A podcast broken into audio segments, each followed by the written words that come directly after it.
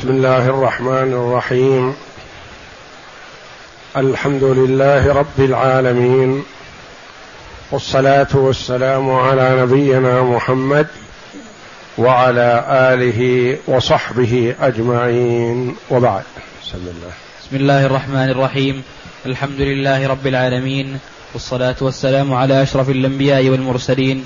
نبينا محمد وعلى آله وصحبه أجمعين.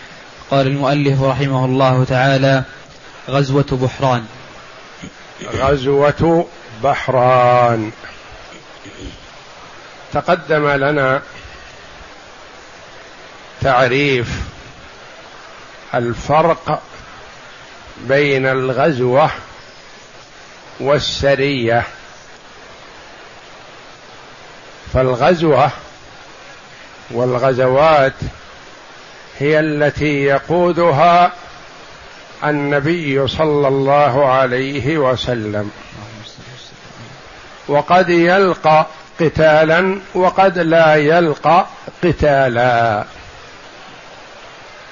والسرايا هي التي يبعثها النبي صلى الله عليه وسلم بقيادة أحد الصحابة رضي الله عنهم أجمعين. فما كان بقيادة النبي صلى الله عليه وسلم يقال لها غزوة.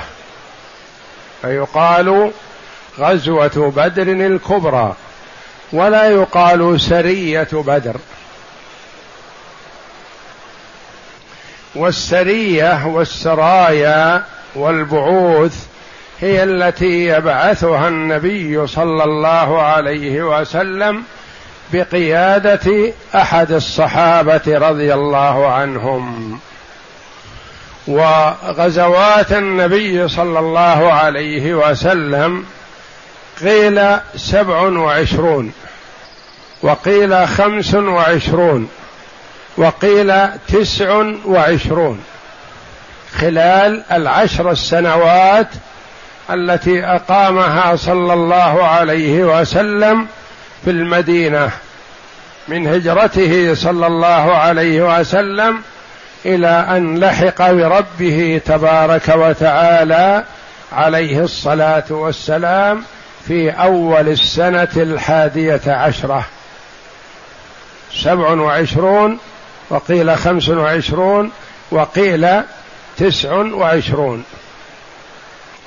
والسرايا والبعوث التي أرسلها النبي صلى الله عليه وسلم قيل قريب من ستين سرية خلال عشر السنوات.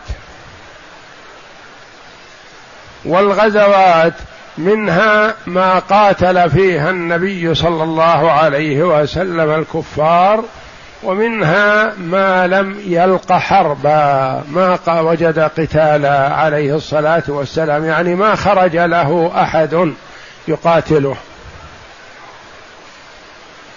والغزوات الكبار التي قادها النبي صلى الله عليه وسلم سبع.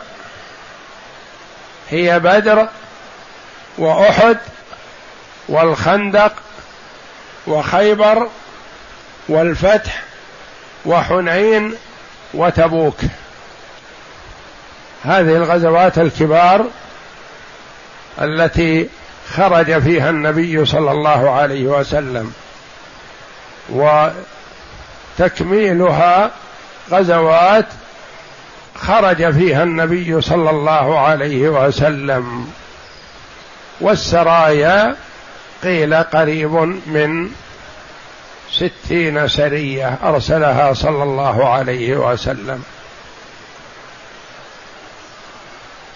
فيقول هنا غزوة بحران. بحران خرج فيها النبي صلى الله عليه وسلم إلى جهة نجد حول المدينة عليه الصلاة والسلام. أهي من أجل قريش أم من أجل بني سليم. علم صلى الله عليه وسلم بخروج أناس فخرج إليهم عليه الصلاة والسلام. وهو عليه الصلاة والسلام يحب أن يلقى العدو خارج المدينة.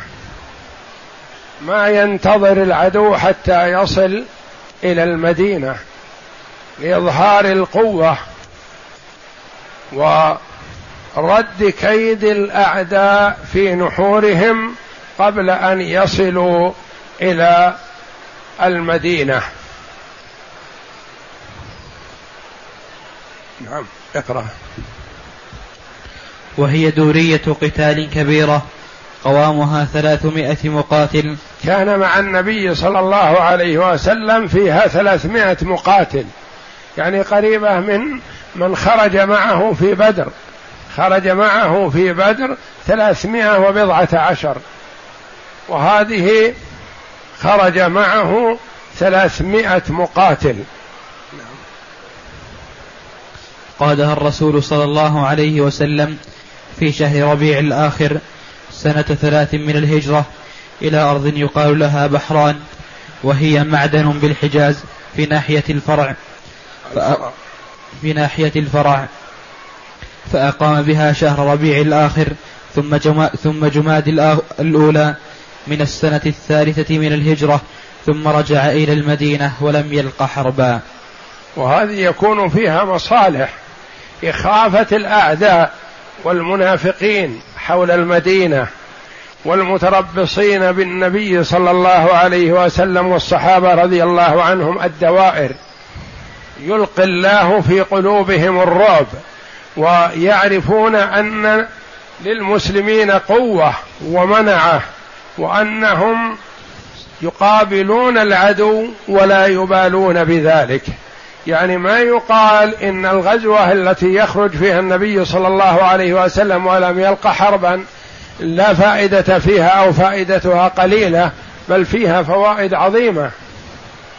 لأن فيه ناس حول المدينة يتربصون بالنبي صلى الله عليه وسلم والمسلمين الدوائر ويتمنون أن يجدوا ثغرة أو ضعف من النبي صلى الله عليه وسلم والمسلمين فيغيروا على المدينة. وكذلك القبائل التي حول المدينة فخروج النبي صلى الله عليه وسلم إليهم فيه مصالح عظيمة. وهذه في ربيع الآخر سنة ثلاث من الهجرة يعني قبل أحد. بدر في السنة الثانية في رمضان. وبين بدر وبحران عدة غزوات خرج فيها صلى الله عليه وسلم. ثم هذه الغزوة في ربيع الثاني خرج من المدينة وأقام فيها تلك الجهة وأكمل ربيع الثاني وشيء من ربيع الأول ثم عاد إلى المدينة عليه الصلاة والسلام. سرية زيد بن حارثة. سرية هذه سرية وتلك غزوة. وقد تكون السرية أكبر من الغزوة لكن الغزوة فيها النبي صلى الله عليه وسلم بقيادته والسرية بقيادة أحد الصحابة رضي الله عنهم. هذه غزوة زيد سرية زيد بن حارثة. زيد حب رسول الله صلى الله عليه وسلم وكان يدعى رضي الله عنه زيد بن محمد. والنبي صلى الله عليه وسلم يحبه وهو أهل لذلك لأنه اختار النبي صلى الله عليه وسلم على أبيه وعمه رضي الله عنه. وزيد انتهب من أهله وهو من قبيلة من عرب وليس مولى وليس رقيق. انتهب من أهله وانتقل في الأيدي من يد إلى يد حتى وصل إلى يد خديجة رضي الله عنها وأرضاها. اشترته خديجة رضي الله عنها. ثم وهبته للنبي صلى الله عليه وسلم ليخدمه. فهو أصبح رقيق للنبي صلى الله عليه وسلم. أهله يتحسسون عنه الأخبار ويسألون عنه. من رآه؟ مسروق من بينهم. فعلم أنه في مكة. وعند خير الناس فسر أبوه وعمه بذلك وقالوا لن يظلمنا. ما دام عند رجل خير ومن قريش وقريش مشهورة بالفضل والمكانة المرموقة عند الناس. ففرح أبوه وعمه بذلك وقالوا لن يخيبنا ما دام من الخيار. فركب أبوه وعمه إلى مكه وقدموا على النبي صلى الله عليه وسلم قبل النبوة. فالتقيا به ورأى زيد عنده. فقالوا يا محمد هذا ابننا. سرق ونهب من بيننا وتناقلته الأيدي من يد حتى وصل إليك. وقد علمنا أنك خير الناس. فاطلب ما شئت من المال وسلمنا ابننا.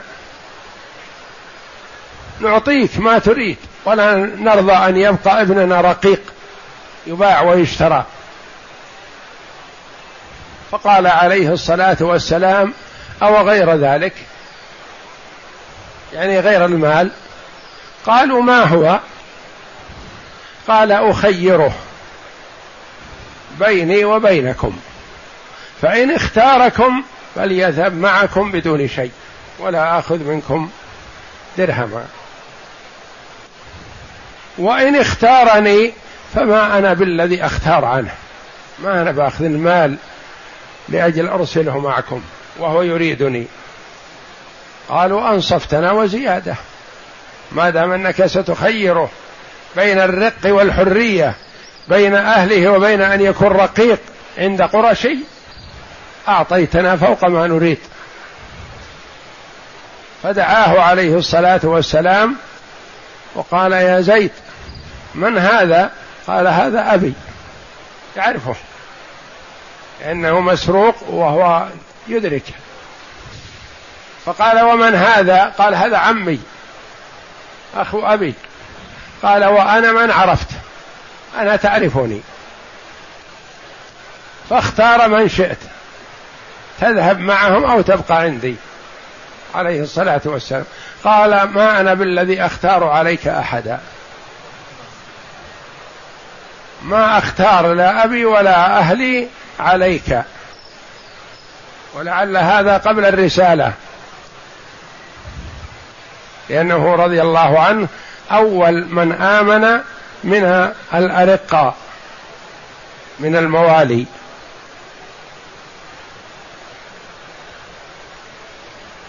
فتعجب أبوه وعمه أن يختار محمدا عليهما ورضي. ما دام الولد قانع وراضي فبعد هذا كافأه النبي صلى الله عليه وسلم وتبناه بدل من كونه رقيقا له. قال هو ابني. زيد ابني يرثني وأرثه. واعلن هذا في مكة وصار ينادى زيد ابن محمد. حتى نزل قوله جل وعلا في سورة الأحزاب ادعوهم لآبائهم وأقسط عند الله فإن لم تعلموا آباءهم فإخوانكم في الدين ومواليكم. منع التبني في الإسلام. يعني يتبنى الإنسان غير ولده منع. فصار يدعى زيد بن حارثة رضي الله عنه. ولهذا قال سرية زيد بن حارثة رضي الله عنه. فهو حب رسول الله صلى الله عليه وسلم. أرسله النبي صلى الله عليه وسلم قائدا لهذه السرية التي تعترض عير لقريش. خارجة من مكة تريد الشام. بعدما جنبت الطريق وأبعدت عن قرب المدينة لكن النبي صلى الله عليه وسلم علم بذلك فأرسل زيد ومعه عدد من المسلمين لملاقاة هذه العير. فغنموا غنائم عظيمة منها لأن من فيها من كفار قريش فروا. حينما رأوا جيش النبي صلى الله عليه وسلم ما كان منهم أدنى مقاومة. هربوا وتركوا العير. فاستاقها زيد رضي الله عنه ومن معه وأسروا فيها أسير أو ثلاثة أسرى. أسروهم الرعاة والأدل والدليل الذي يدلهم الطريق لأنهم أبعدوا عن الطريق الذي كانوا يعرفونه خوفا من جيش المسلمين. فهيأ الله من يخبر النبي صلى الله عليه وسلم بطريقهم فأرسل إليهم زيد بن حارثة رضي الله عنه ومعه عدد من المسلمين فغنموا العير بكاملها وفر من معها من كفار قريش. ما قاوموا؟ أدنى مقاومة. نعم. وهي آخر وانجح دورية للقتال قام بها المسلمون قبل أحد. قبل أحد يعني في السنة الثالثة لأن في السنة الثانية في هذا الغزوة وفيها غزوة أحد. وقعت في جماد الآخرة في السنة الثالثة من الهجرة. في جماد الآخرة النبي عاد إلى المدينة في جماد الأولى وأرسل هذه السرية في جماد الثانية عليه الصلاة والسلام. نعم. وتفصيلها أن قريشا بقيت بعد بدر يساورها القلق والاضطراب وجاء الصيف واقترب موسم رحلتها إلى الشام فأخذها هم آخر. قال صفوان يعني هي قريش حزنت وتأثرت أثرا بالغ في غزوة بدر لأنهم أتروا قتل صناديدهم وأسر كبراءهم وقتل من قتل من الأسرى والأسير دفع منهم من دفع الفداء وأصبح ذليل يشعر بالذلة لأنه أسير واشترى نفسه. فتكبدت قريش خسائر فادحة مالية ومعنوية. الماليه ما حصل من الغنائم المالية من الإبل وغيرها والأمتعة والأدوات السلاح. والمعنوية وهي الهزائم والذل الذي أصابهم بسبب قتل كبرائهم وأسرهم. فاهتموا لهذا. ثم جاءهم هم آخر. انتهت بدر. ومنعوا أحد يصيح عليها أو يشعر أو يقول شيئا لئلا يشمتوا بهم الناس. قالوا واحد يصيح على قتيله يجازى لئلا يظهر آه، ضعفهم ومهانتهم عند الناس كأنهم يتجلدون. ثم جاءهم هم آخر وهو أنه جاء وقت تجارتهم إلى الشام. في الصيف يذهبون بالتجارة إلى الشام وفي الشتاء يذهبون إلى اليمن. وعيشهم وكسبهم على التجارة ما عندهم غيرها. ما في زراعة في مكة ولا عندهم صناعات وإنما هي تجارة رحلة الشتاء والصيف كما قال الله جل وعلا. ايلاف قريش إيلافهم رحلة الشتاء والصيف. فقالوا رحلة الشتاء لليمن والحبشة لكن المصيبة رحلة الصيف التي تمر عبر المدينة لأنها إلى الشام ومكة إذا أرادت الشام لابد عن طريق المدينة. وسكر عليهم هذا الطريق ماذا يعملون؟ وقد انتدبوا واحدا من كبرائهم ليقود الحملة. هذه المرة غير أبي سفيان. صفوان بن أمية الذي وتر في أبيه وأخيه وأهله. ماذا يصنعون؟ لابد يقول لو بقينا في مكة أكلنا ما بأيدينا وانتهينا. لابد من الحركة والتجارة. ففكروا وتشاوروا حتى رأوا ما رأوه من مجانبة طريق المدينة والبعد عنه لكنهم ما يعرفون الطريق فيخشون من الهلاك فأخذوا دليلا يدلهم طريق كأنهم يريدون الذهاب إلى العراق ما يريدون الذهاب إلى الشام وأخذوا طريق العراق ذات اليمين ثم يأخذون بالشمال لجهة الشام. نعم اقرأ. قال صفوان بن أمية لقريش وهو الذي انتخبته قريش في هذا العام لقيادة تجارتها إلى الشام. إن صفوان بن أمية وأبوه أمية بن خلف الذي قتل والوليد بن أمية. نعم. إن محمدا وصحبه عوروا علينا متجرنا فما ندري كيف نصنع بأصحابه وهم لا يبرحون الساحل وأهل الساحل قد وادعهم ودخل عامتهم معه فما حتى من كان على الطريق من البادية والمنازل اتفقوا مع محمد وصحبه ما نستطيع أن ندخل في جوار واحد منهم أو يحمينا أحد منهم كلهم تواطؤوا مع محمد نعم. فما ندري أين نسلك وإن أقمنا في دارنا هذه أكلنا رؤوس أموالنا فلم يكن لها من بقاء. وإنما حياتنا بمكة على التجارة إلى الشام في الصيف وإلى الحبشة في الشتاء. ودارت المناقشة حول هذا الموضوع فقال الأسود بن عبد المطلب لصفوان هذا هذا يبدي رأيه مشورة الأسود بن عبد المطلب. نعم. تنكب الطريق. تنكب تنكب. تنكب الطريق على الساحل وخذ طريق العراق. يعني لا تذهب على الساحل وجهة الشام. اذهب على جهة اليمين جهة العراق كأنك تريد العراق. وهي طريق طويلة جدا تخترق نجدا إلى الشام وتمر في شرقي المدينة على بعد كبير منها. يعني تبعد عن المدينة كثير. ما تمر بالمدينة هم خوفا من قرب المدينة فأرادوا أن يبعدوا عنها. نعم. وكانت قريش تجهل هذه الطريق كل الجهل فأشار ما, ما سلكوا لأن ما لهم طريق على العراق ولا يريدون العراق. وتجارتهم معروف طريقها.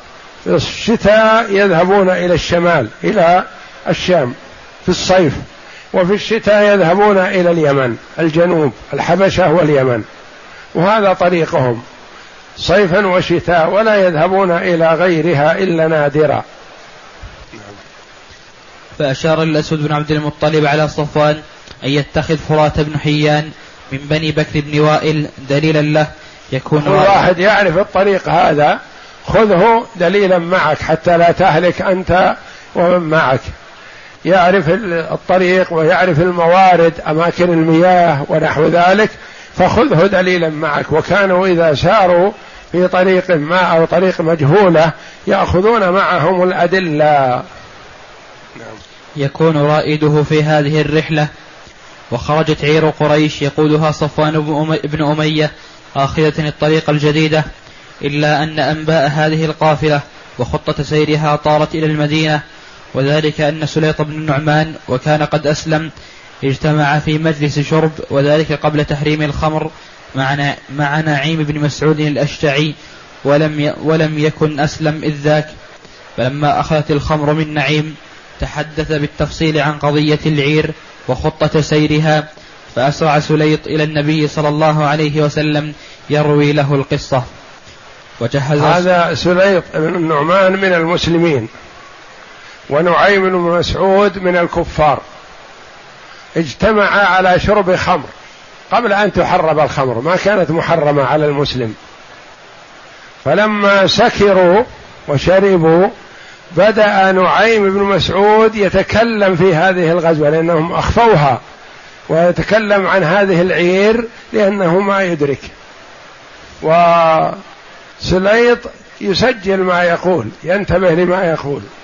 فلما صحى ذهب إلى النبي صلى الله عليه وسلم مسرعا وأخبره بأن عير قريش تسلك الطريق هذا وتمر بكذا ومعهم كذا وقائدهم صفوان بن أمية ومعهم تجارة عظيمة وكذا يخبر النبي صلى الله عليه وسلم بما حصل. فجهز النبي صلى الله عليه وسلم هذا الجيش بقيادة زيد رضي الله عنه. وجهز رسول الله صلى الله عليه وسلم لوقته حملة قوامها مئة راكب في قيادة زيد بن حارثة الكلبي. لأن فرق بين القيادة والسرية التي تعترض عير وبين القيادة والسرية والغزوة التي تعترض جيش. فالتي تعترض جيش تحتاج إلى عدد وعدة. لكن هذه معها عير تجارة. والتجارة غالبا ما يكون معها استعداد للسلاح فما يحتاج أن يكثر من الرجال. وإنما أرسل زيد أميرا على قرابة مئة راكب تعترض هذه العير. وأسرع زيد حتى دهم القافلة بغتة على حين غرة وهي تنزل على ماء في أرض نجد. يقال لها فردة أو قردة بالفتح فالسكون قردة. بالفتح القاف وسكون الراء. فاستولى عليها كلها ولم يكن من صفوان ومن معه من حرس القافلة إلا الفرار بدون أي مقاومة. لما رأوا زيد ومن معه رضي الله عنهم فروا. أرادوا نجاة أنفسهم بأبدانهم وتركوا العير بما فيها. فروا بأنفسهم لأنهم يظهر أنهم كانوا مهيئين أنفسهم للفرار. ما عندهم استعداد للمقاومة والقتال فقالوا ينجون بأنفسهم ويتركون العير. والعير لا تهمهم عند أنفسهم. والعير ليست خاصة لهم لواحد وإنما هي موزعة لكل قريش تقريبا. ففروا بأنفسهم وتركوها واسر زيد رضي الله عنه ومن معه من المسلمين الدليل واثنين معه. وأسر المسلمون دليل القافلة فرات بن حيان وقيل ورجل ورجلين غيره وحملوا غنيمة كبيرة من الأواني والفضة كانت تحملها القافلة قدرت قيمتها بمئة ألف. قسم رسول الله صلى الله عليه وسلم هذه الغنيمة على أفراد السرية بعد أخذ الخمس وأسلم فرات بن حيان على يديه صلى الله عليه وسلم. هذا الدليل الذي خرج دليلا مع صفوان كافر لما قابله النبي صلى الله عليه وسلم ودعاه إلى الإسلام أسلم. فالرجل العاقل إذا دعي إلى الإسلام استجاب لأن الإسلام دين الخير. دون دين المروءة والرجولة والشهامة دين سعادة الدنيا والآخرة. فأي عاقل يدعى إليه وليس عنده تعنت أو تشدد أو حقد فإنه يستجيب. وخاصة إذا كان الداعي المصطفى صلى الله عليه وسلم بحسن كلامه ودعوته عليه الصلاة والسلام فسارع هذا الدليل إلى الإسلام وأسلم. وكانت مأساة شديدة ونكبة كبيرة. أصابت قريشا بعد بدر. اشتد لها قلق قريش. يعني بدر ذهب فيها الرجال وهذه السرية ذهبت فيها الأموال فأتروا بأنفسهم وأموالهم. اشتد لها قلق قريش. وزادتها وزادتها هما وحزنا ولم يبق أمامها إلا طريقان. يعني ما ما بقي أمام قريش للتخلص من هذه المصائب إلا طريقان أيهما يسلكان؟ المسالمة مع النبي صلى الله عليه وسلم وهذه أفضل وخير لكن الشقاوة ما جعلتهم يستجيبون. أو الإجماع على حرب النبي صلى الله عليه وسلم بكل ما يملكون. ولم يكن. ولم, ولم يبق أمامها إلا طريقان إما أن تمتنع عن قطرة قطرستها وكبريائها وتأخذ طريق الموادعة والمصالحة مع المسلمين أو تقوم بحرب شاملة تعيد لها مجدها التريد وعزها القديم وتقضي على قوات المسلمين بحيث لا يبقى لهم سيطرة على هذا ولا ذاك. وقد اختارت مكة الطريقة الثانية الطريقة الثانية وهي محاربة النبي صلى الله عليه وسلم. جمعوا له كل ما يملكون لمحاربته صلى الله عليه وسلم وقتاله. وقعة أحد الآتية. فازداد فازدادت إصرارها على المطالبة بالثار والتهيؤ للقاء المسلمين في تعبئة كاملة وتصميمها على الغزو في ديارهم. فكان ذلك وما سبق من أحداث التمهيد القوي لمعركة أحد. وغزوة أحد ستأتي إن شاء الله. والله أعلم. وصلى الله وسلم وبارك على عبده ورسول نبينا محمد وعلى آله وصحبه أجمعين.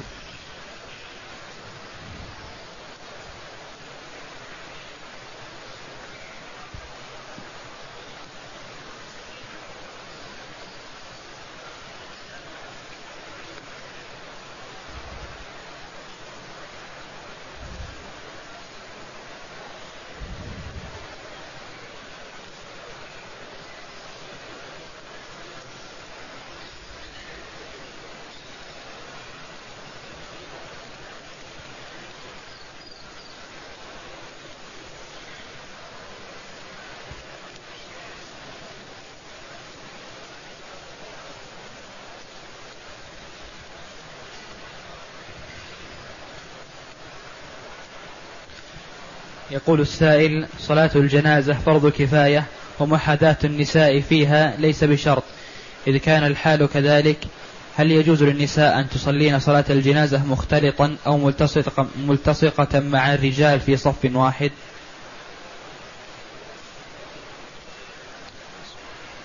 صلاة الجنازة من فروض الكفاية. إذا قام به من يكفي سقط الإثم عن الباقين. يمر علينا أحيانا كلمة فرض كفاية وفرض عين وسنة وراتبة. فرض العين هو الذي يجب على كل واحد بعينه. إذا صلى مجموعة من الناس ما يكفي عن الآخرين. على كل واحد من المسلمين أن يؤدي فرض العين لأنه فرض على هذا وهذا وهذا بأعيانهم. مثل صلاة الجماعة. صلاة فرض الكفاية إذا قام بها من يكفي سقط الإثم عن الباقين. وإذا لم يقم بها أحد اثم كل من علم. هذا فرض كفاية. مثلا ميت في حي من الأحياء تولاه عشرة من المسلمين وصلوا عليه وشيعوه ودفنوه. لهم الأجر ولا ازر على من علم ولم يخرج معهم لأنه أدي الفرض بمن يكفي فرض كفاية. لو ترك أو ما قام به إلا واحد أو اثنين كل من علم بهذا أثم لأنه ما قام بالواجب. هذا فرض الكفاية. والراتبة التي هي مؤكدة. والنفل المطلق الذي هو أخف من الراتبة يؤدى في الحضر والسفر وإذا تركه الإنسان يكتب له بإذن الله إذا تركه لعذر.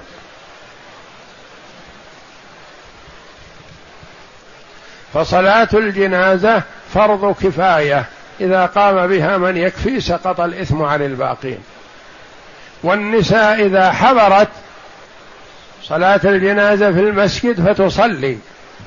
ويجب على النساء في صلاة الفرض وصلاة الجنازة وصلاة التراويح وغيرها من الصلوات الكسوف والاستسقاء والعيدين يجب أن يبعدن عن الرجال.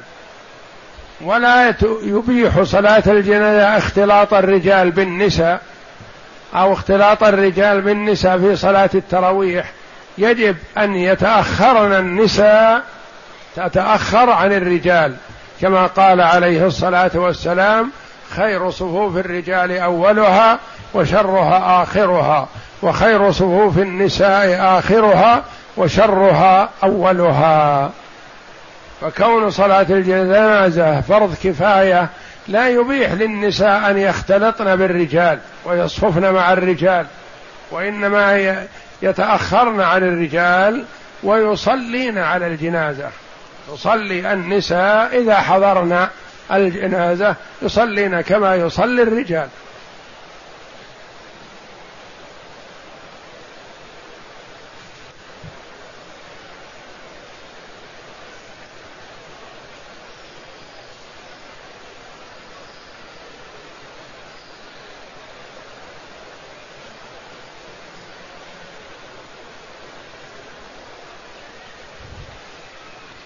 يقول السائل ما حكم الصلاة على مكان مرتفع مثل السرير؟ لا بأس إذا كان هناك حاجة وإلا فما ينبغي أن يتفاوت المأمومون. وكذا إذا كان يصلي وحده مريض يصلي على السرير إذا كان ما يستطيع القيام مثلا ويصلي على السرير وهو متربع أو يصلي عليه وهو على جنب أو يصلي عليه وهو مستلقي. والله جل وعلا يقول فاتقوا الله ما استطعتم. والنبي صلى الله عليه وسلم يقول صل قائما فإن لم تستطع فقاعدا فإن لم تستطع فعلى جنب. فلا يكلف الله نفسا إلا وسعها. وإذا صلى المرء قاعد يكون مقابل للكعبة القبلة. وإذا صلى على جنب فيكون وجهه متجه إلى الكعبة ورأسه يمين ورجلاه شمال. مثل وضع الميت في قبره. وإذا صلى مستلقيا تكون رجلاه إلى الكعبة ليكون مستقبل القبلة. إذا صلى المريض مستلقي فيكون وجهه حذاء الكعبة ورجلاه كذلك. مستلقي. وإذا كان يصلي على جنب مثلا فيكون مثل وضع الميت في قبره. يعني وجهه هو الذي بحذاء الكعبة ورأسه ورجلاه يمين وشمال.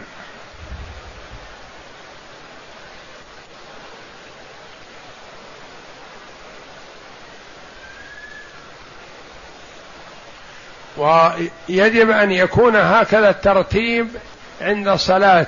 إذا كان يستطيع القيام فلا يجوز له أن يصلي قاعدة الفرض لأن الفرض يجب القيام مع القدرة. فإذا لم يستطع القيام صلى الفرض والنافلة جالسا. وأما النافلة فله أن يصليها جالسا إن كان لا يستطيع إلا الجلوس فهي كاملة بحمد الله. وإن كان يستطيع القيام لكنه آثر الراحة. يصلي جالسا فعلى النصف من صلاة القائم.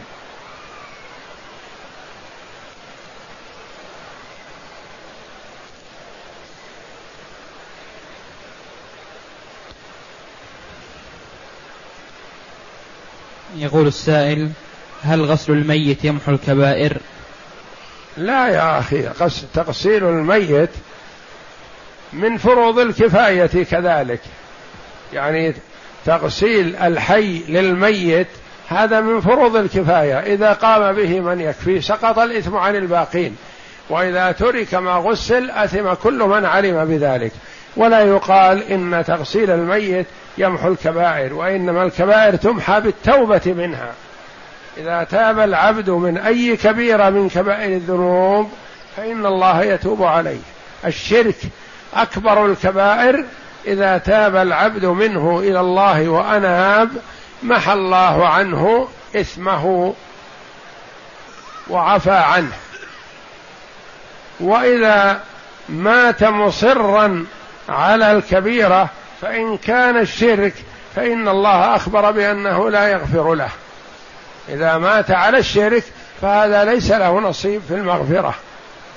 وأما ما دون الشرك فهو داخل تحت مشيئة الله جل وعلا. إن شاء غفر لعبده وإن شاء عذبه.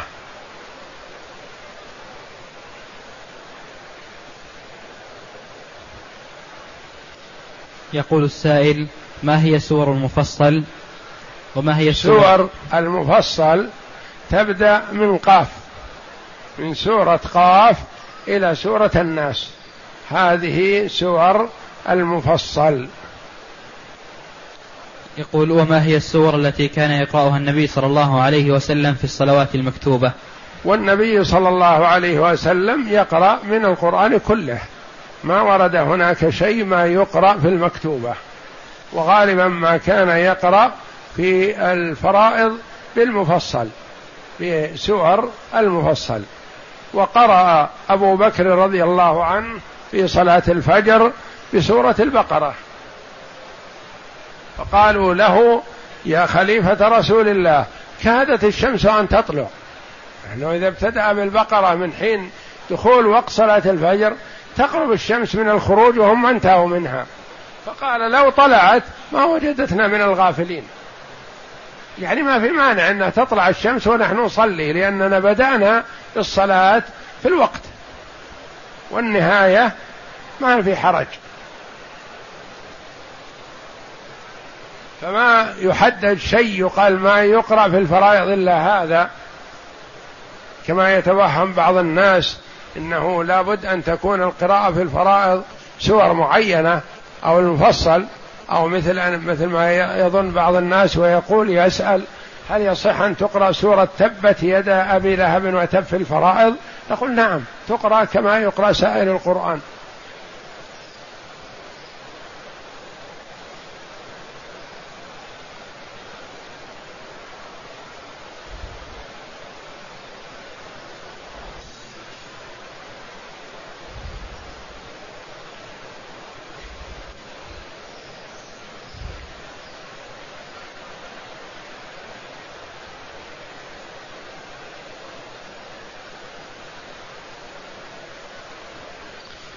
يقول السائل سمعت أنه يجوز للرجل الراغب في النكاح النظر إلى من يريدها بدون علمها ولا علم ولي أمرها فما هي ضوابط هذه الرؤية؟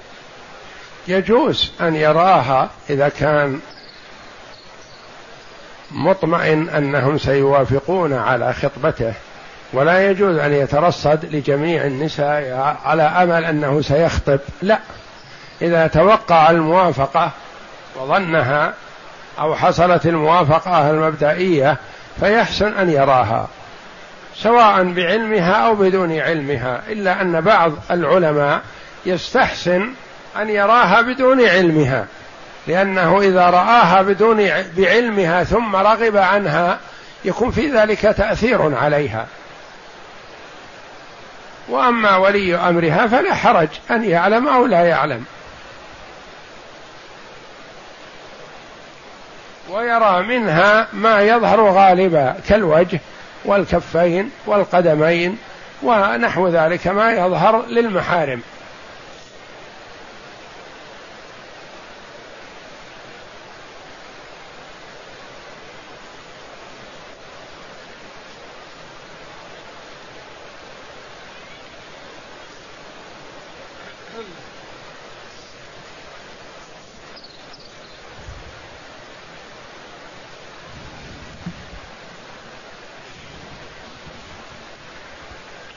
يقول السائل ذكرتم الحالات التي يجوز فيها القصر والجمع والقصر دون الجمع والجمع دون القصر ولا قصر ولا جمع. نرجو إعادتها. هذه الحالات حالات المرء. يعني أنه أحيانا يشرع له الجمع والقصر. متى؟ إذا كان مسافر وسائر في الطريق.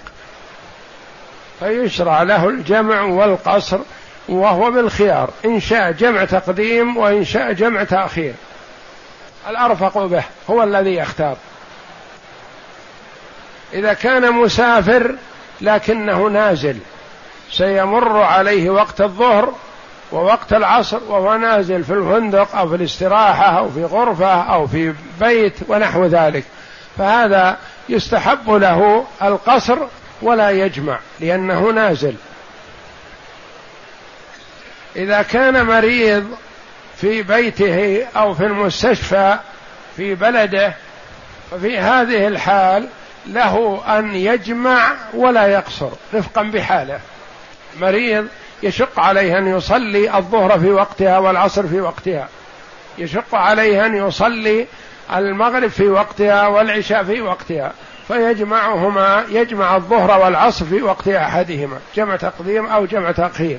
وإن كان في داره ويجمع المغرب والعشاء في وقت أحدهما سواء كان في داره أو في المستشفى. ومثل هذا المرأة المستحاضة التي معها نزيف ويشق عليها التطهر مثلا لكل فريضة فلها أن تجمع الظهر والعصر في وقت أحدهما والمغرب والعشاء في وقت أحدهما. فهذا يشرع له الجمع رفقا بحاله ولا يشرع له القصر لأنه ليس مسافر. وآخر لا جمع ولا قصر الذي هو مقيم وليس بمريض. يجب عليه أن يصلي الظهر في وقتها تامة والعصر في وقتها تامة. كما قال الله جل وعلا إن الصلاة كانت على المؤمنين كتابا موقوتا أي مفروضا في الأوقات.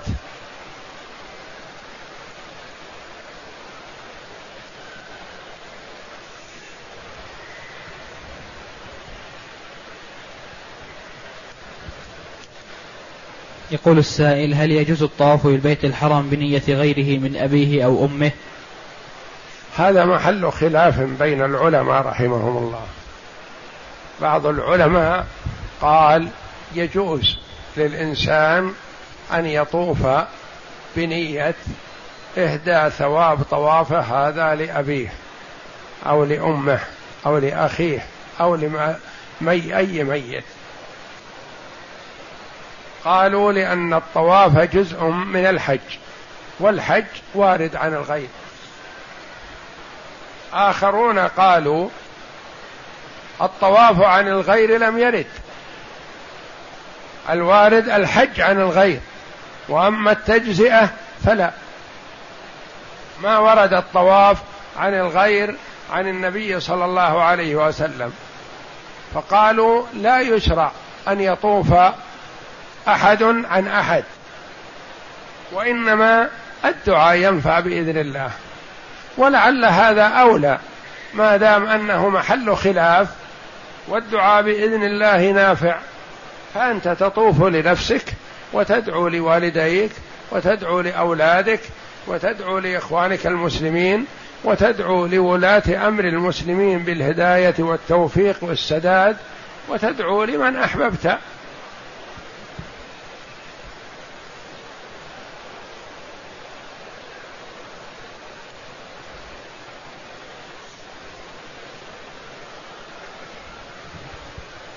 يقول السائل رجل لا يوجد عنده أولاد فهل يجوز أن يكتب لزوجته نصف ثروته في حياته أو يجوز أقل من ذلك؟ هذا لا يخلو. إن كان يريد أن يبر من أعطاه هذه العطية في حال صحته وعافيته فله أن يعطي كل ماله لزوجته أو لابن عمه. أو لبنته أو لعمته أو لخالته أو لأي شخص. ماله يتصرف فيه. إلا إذا قصد إبعاده عن الورثة فهذا لا يجوز له لأن هذا يكون حينئذ من باب الاعتراض على قسمة الله جل وعلا. يقول مثلا أنا ما يرثني إلا ابن عم وابن عم ما يصلني ولا أصله. أنا أريد أن أكتب مالي كله لزوجتي حتى لا يأخذ منه ابن عمي شيء. يقول هذا حرام ولا يجوز لأن هذا اعتراض على قسمة الله جل وعلا. فالمواريث ما وكل الله جل وعلا قسمتها إلى ملك مقرب ولا إلى نبي مرسل. تولاها بذاته. في ثلاث آيات من كتابه جل وعلا. ثلاث آيات آيتان في صدر سورة النساء. يوصيكم الله في أولادكم للذكر مثل حظ الأنثيين والآية التي بعدها ولكم نصف ما ترك أزواجكم وآخر آية من سورة النساء يستفتونك قل الله يفتيكم في الكلالة الآية جمعت المواريث كلها ولا يجوز للمسلم أن يعترض على هذا أما إذا كان يعطي في حال صحته لأجل أن ينفع هذا أو مقابل إحسان أو يعطيه محتسب ونحو ذلك فماله يتصرف فيه. ثم إذا أراد يعطي زوجته إذا أعطاها أعطى منجز وقال ما أريد أن تحتاج بعدي قد تكون بعدي وأموت قبلها فما يكون عندها ما يكفيها وأعطاها من ماله ما شاء. بالنية الحسنة لا حرمان الوارث. فله ذلك. وأما إذا كتبه قال بعد وفاتي يكون البيت الفلاني للزوجة وكذا وكذا إلى آخره هذه وصية لوارث. والنبي صلى الله عليه وسلم قال لا وصية لوارث. فلا يجوز أن يوصي لوارث ولد أو بنت أو أخ أو زوجة أو الزوجة لزوجها لا وصية لوارث. لكن إذا أعطى في حال الحياة فيعطي ما شاء عطا منجزا.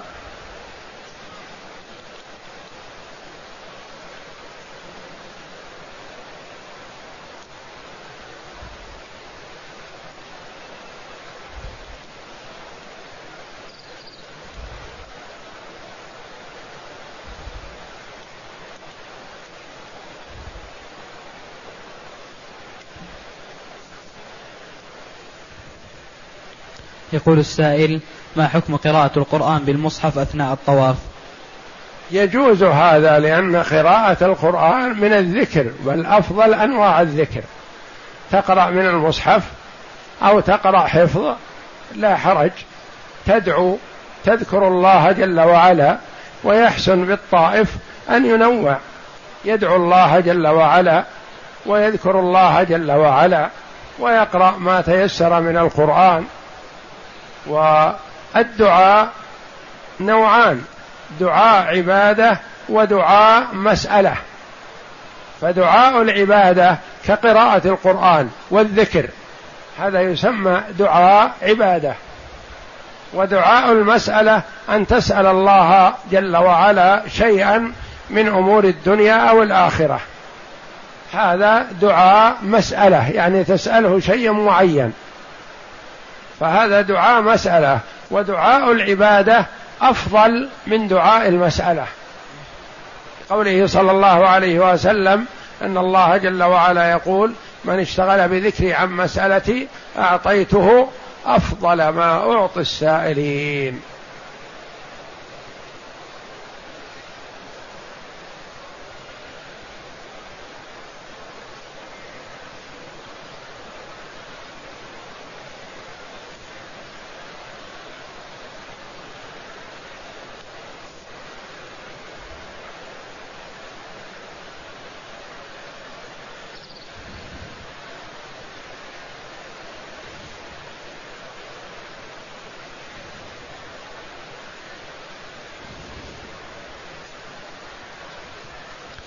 يقول السائل تعلمون أن وقت إخراج الزكاة يستفيد منها كثير من المستحقين وفي الأشهر المتأخرة يكون هناك فقراء مستحقين فأنا أبقي شيئا من الزكاة وأسجلها عندي وأصرفها على مستحقيها طوال الأشهر فأرجو إفادتنا هل هذا موافق أم لا؟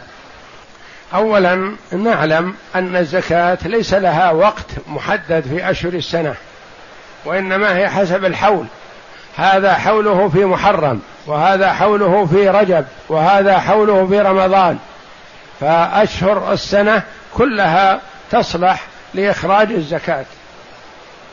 ثم إن المرأة إذا كان له حول معين يعني شهر معين يخرج فيه زكاته فلا بأس أن يقدم الزكاة قبل وقتها.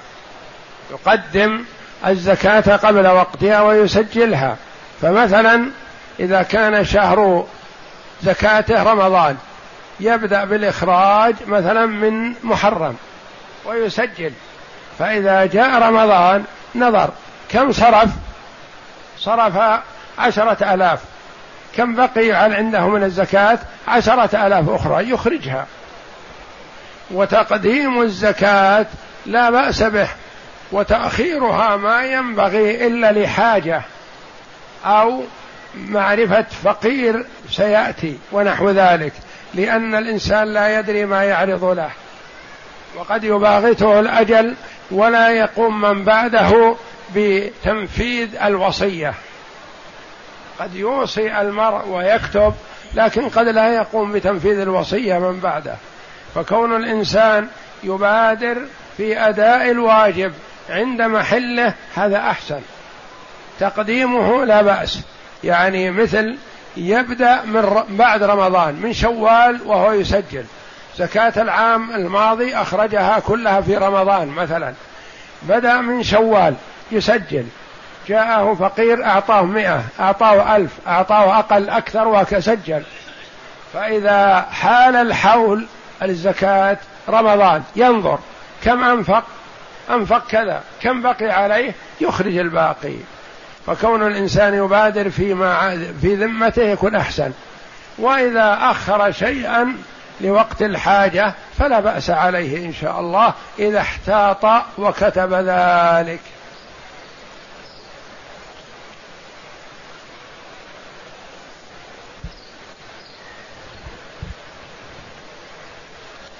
يقول السائل هل يجوز لي أن أعتمر عن أبي المتوفى بعد أن اعتمرت؟ ما دمت أخي اعتمرت عن نفسك فما يحسن أن تخرج للاعتمار عن أبيك. وإنما تكثر من الطواف بالبيت وتدعو لمن أحببت تدعو لأبيك ولأمك ولأولادك ولإخوانك المسلمين ولولاة أمر المسلمين وتكثر من الدعاء. فإن خرجت لحاجة لأي مكان قريب أو بعيد جدة أو الطائف أو المدينة وأردت العودة فنعم. تعود إليها بعمرة عن أبيك أو عن من شئت.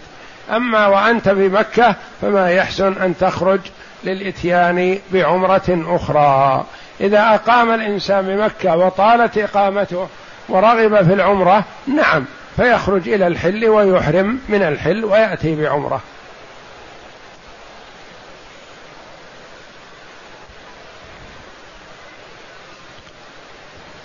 يقول السائل حلفت يمينا وظننت أنه يمينا غموسا فماذا علي من كفارة؟ عليك أولا رد الحق إلى صاحبه لأن غالبا اليمين الغموس في الحقوق. من حلف يمينا يقتطع بها مال امرئ مسلم لقي الله وهو عليه غضبان. قالوا يا رسول الله وإن كان شيئا يسيرا قال وإن كان قضيبا من عراك يعني عود سواك حلف عليه. فالغالب إن اليمين الغموس في الأموال. ترد المال تعطي المال لصاحبه وتستغفر وتتوب إلى الله جل وعلا فيغفر الله جل وعلا لك. أما أن تأكل الحق وتقول أستغفر الله وأتوب إليه فهذه توبة غير صادقة وغير تامة.